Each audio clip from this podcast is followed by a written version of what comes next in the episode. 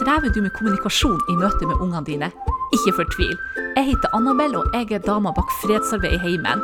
På denne podden skal du få lære å bli bevisst at den viktigste rollen du har, det er å være en leder for dine unger. Og jeg skal hjelpe deg å løse hverdagsutfordringer som dukker opp i familien. Hvis du ønsker mer inspirasjon, gå til annabelstefanussen.no, så får du ti gratis konkrete tips for tydelig og vennlig kommunikasjon som du kan ta i bruk med det samme. Nå skal jeg komme med en påstand til deg. Og det er at straff og konsekvenser det virker i øyeblikket, mens kjærlighet det gir langvarig effekt. For mange mange år siden så, så jeg på et eh, TV-program om en ung mann. Han kunne være godt opp i 20-årene. Eh, og så fortalte han om sin oppvekst. Han hadde bodd i eh, fosterhjem. Og han hadde blitt, hvert eneste år så ble han gitt til en ny familie. Det var ingen som klarte å håndtere han. Så han hadde bodd i kanskje 15 fosterhjem. Og så kommer han eh, til ei eh, enslig dame som da holdt på å si adopterer han, eller han, altså hun blir jo hans nye fostermor. Og da var han vel nærmere 18 år gammel. Og eh, så fortalte han at han, tok at han hadde vært der noen dager, så tok han og raserte leiligheten hennes. Knuste inventaret og ja, gikk amok og ødela leiligheten.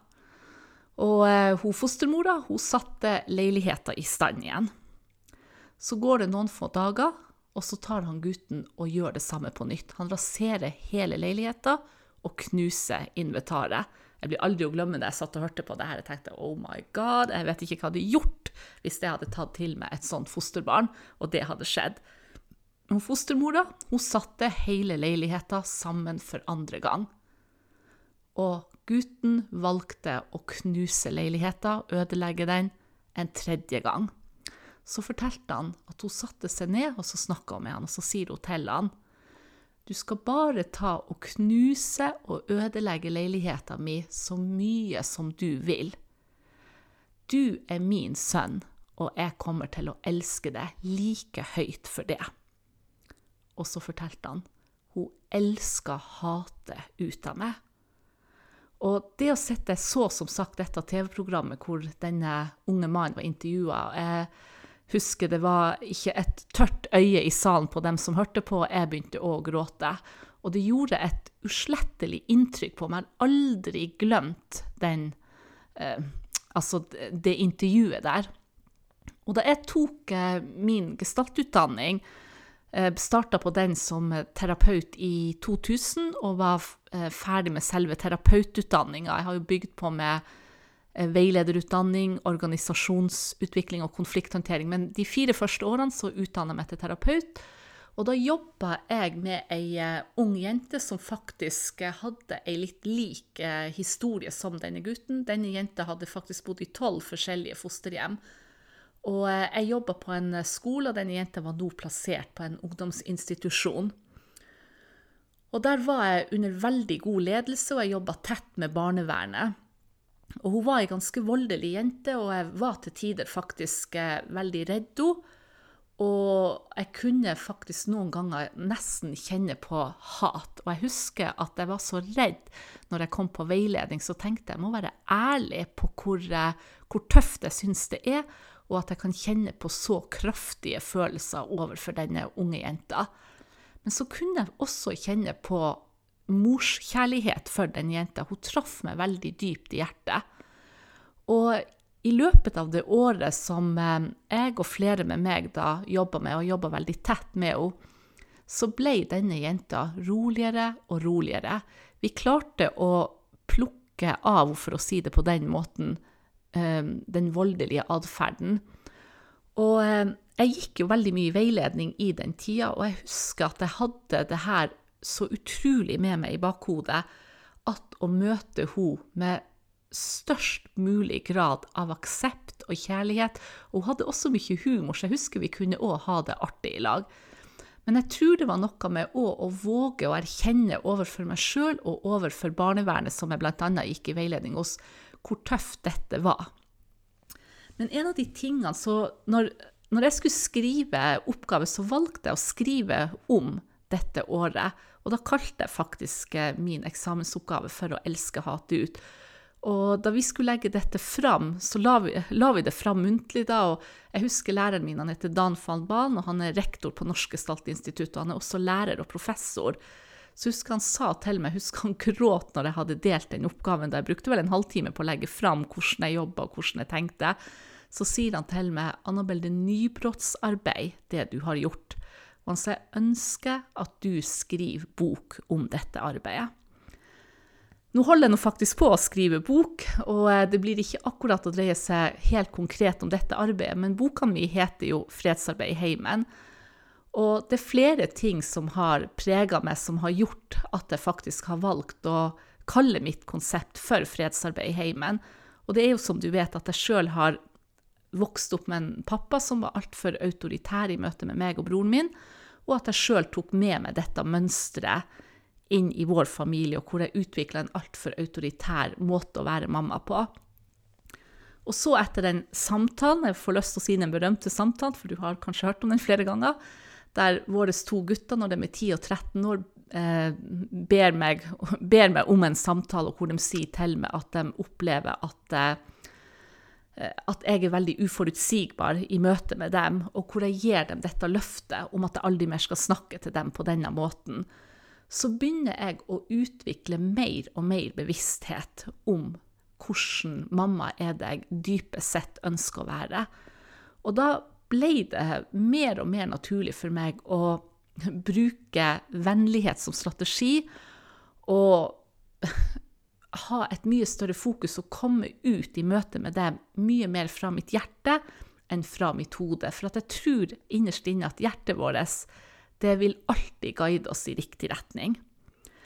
Og med det så mener ikke jeg at vi ikke sant, at Noen ganger så blir jeg litt sånn oh, jeg håper ikke dere misforstår meg. For jeg mener ikke at ikke ungene skal få noen sånn ikke sant, At vi ikke skal sette grenser for dem, og at det ikke skal bli noen konsekvenser i forhold til ting som de gjør. Selvsagt, selvsagt, vi er ledere, og vi må eh, rettlede dem ikke sant, på hva som er riktig, og hva som er feil å gjøre, og veilede dem som best vi kan på hva som er gode verdier å navigere etter.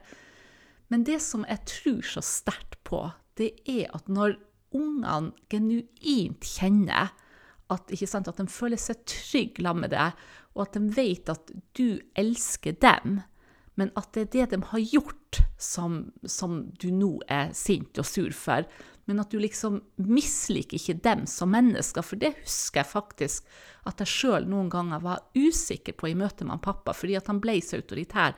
Så husker jeg at jeg noen gang tenkte jeg tror faktisk ikke han liker meg.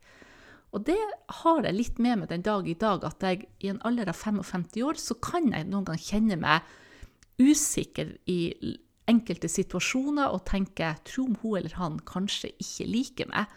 Så jeg tenker at det der at hvis at vi klarer å få til holdt jeg på å si, det kunststykket å trygge ungene og tenåringene våre på at vi er utrolig glad i dere, men vi er selvsagt nødt til å sette noen grenser. Vi er nødt til å si nei, og vi er nødt til å bli sur og sint, ikke sant, innimellom. Vi, vi er jo bare vanlige folk. Så, men at de, at de liksom aldri er i tvil om at de er elska så tror jeg at vi er med på å skape trygge, fine mennesker som på en måte vil fungere så, så, godt i samfunnet. Og det er jo det som er min store visjon med fredsarbeid i heimen. Det er at flere og flere av oss foreldre skal få til på en måte det å veilede ungene våre sånn at de blir empatiske og ansvarsfulle unge, flotte mennesker som vi kan slippe ut i samfunnet. For tenk den historien til han her unge mannen som jeg fortalte deg om. Ikke sant at fra at han kunne si det på den måten Hun elsker hatet ut av meg. Altså, det, det er så nydelig og samtidig så sterkt sagt. Og ehm, ja. Så jeg, jeg håper, når du kjenner at det koker over i hodet, for det vil det gjøre. Det gjør det i mitt øye òg. Så det ene jeg ønsker for din skyld, det er om du klarer å si til deg sjøl eh, at vent litt, ikke ta det opp her og nå. Av og til er man nødt hvis det skjer en situasjon. ikke sant? Når han storebror biter lillesøster i leggen, så må man jo gripe inn eh, øyeblikkelig. Men i mange tilfeller så går det an ikke sant, å ta en samtale med dem når du kjenner at du er rolig, og dem er rolig. Og det er utrolig eh, hvor godt selv små unger responderer på en fin samtale. At man forklarer hvorfor, sant? hvorfor du ikke kan gjøre det og det, hvorfor det ikke er greit. Sånn som nå, denne mammaen hun hadde jo, ikke sant, at hun gjorde jo den genistreken at hun klarer å nå inn til hjertet til denne unge tenåringen med at hun sier du skal bare rasere og ødelegge leiligheten så mye du vil. Jeg kommer aldri til å gi deg opp fordi du er min sønn. Og hun må ha sagt det med så Hun må ha ment det så sterkt. For min overbevisning er at vi alle vi kjenner energien fra et annet menneske. Ikke sant? Hvordan Jeg husker når han, pappa måten han, når han var sur og sint og kjefta på meg, så kjente jeg den fryktenergien. Ikke for at han skulle slå meg, for det gjorde han ikke, men jeg kjente på en sånn utrolig sånn fryktenergi om han er ikke glad i meg, han liker meg ikke. og ville få kjempemye kjeft nå, osv. Så, videre. Så den energien den jeg så godt opp. Men med mamma, som var en helt annen type, så var jeg alltid trygg på at hun mamma elska meg. Og mamma kunne også være sur og sint, men jeg har aldri vært i tvil på at hun virkelig elsker meg. Og det er det som jeg tror er så ekstremt helbredende. Og ja, i forhold til det å bidra til ikke sant, jeg jeg er jo en gründer, og jeg eh, er i et fellesskap med mange gründere. Og mange gründere pleier å si at de har et stort ønske om å kunne bidra til å gjøre en forskjell i verden. Og det kan jeg kjenne på sjøl òg at jeg har. Men det som jeg tenker virkelig er å være med på å gjøre en forskjell i verden, det å begynne med seg sjøl, håndtere sine egne følelser og reaksjoner, og så bringe dette videre inn i familien. Tenk at hvis vi alle sammen kan begynne med vår egen familie, gir det ikke mening for deg også da at det kommer til å være den store forskjellen i verden? Jeg håper du fikk glede av dette, og kort oppsummert så handler det om at jeg tror konsekvenser gir effekt der og da, det gir kortvarig effekt, og så tenker jeg at kjærlighet, det gir ønska resultat, og det gir en langvarig effekt.